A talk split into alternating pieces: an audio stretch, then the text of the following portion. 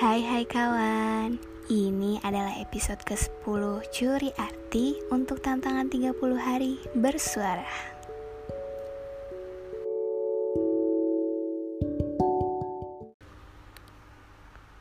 Sebagai makhluk sosial, manusia udah pasti gak bisa hidup sendiri.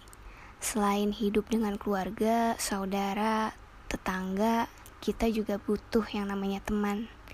Dari kecil kita udah pasti punya teman entah dari teman orang tua yang sama-sama punya anak dan menjadikan pertemanan di antara anak-anaknya, teman di lingkungan rumah, teman di sekolah, dan banyak lagi. Ketika masih menjadi anak-anak, kayaknya teman tuh segalanya ya.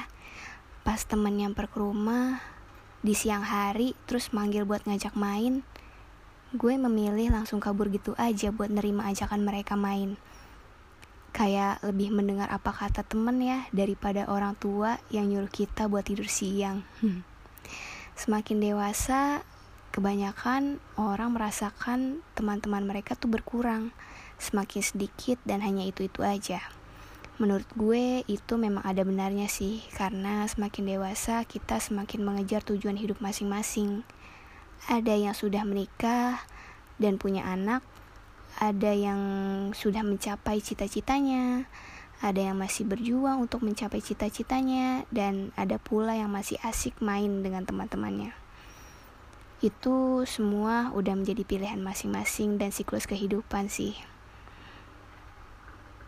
Dan kita nggak bisa menyalahkan siklus tersebut.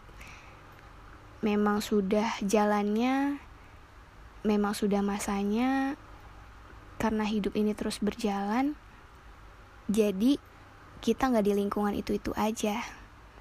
Kita pasti terus berjalan mencapai tujuan kita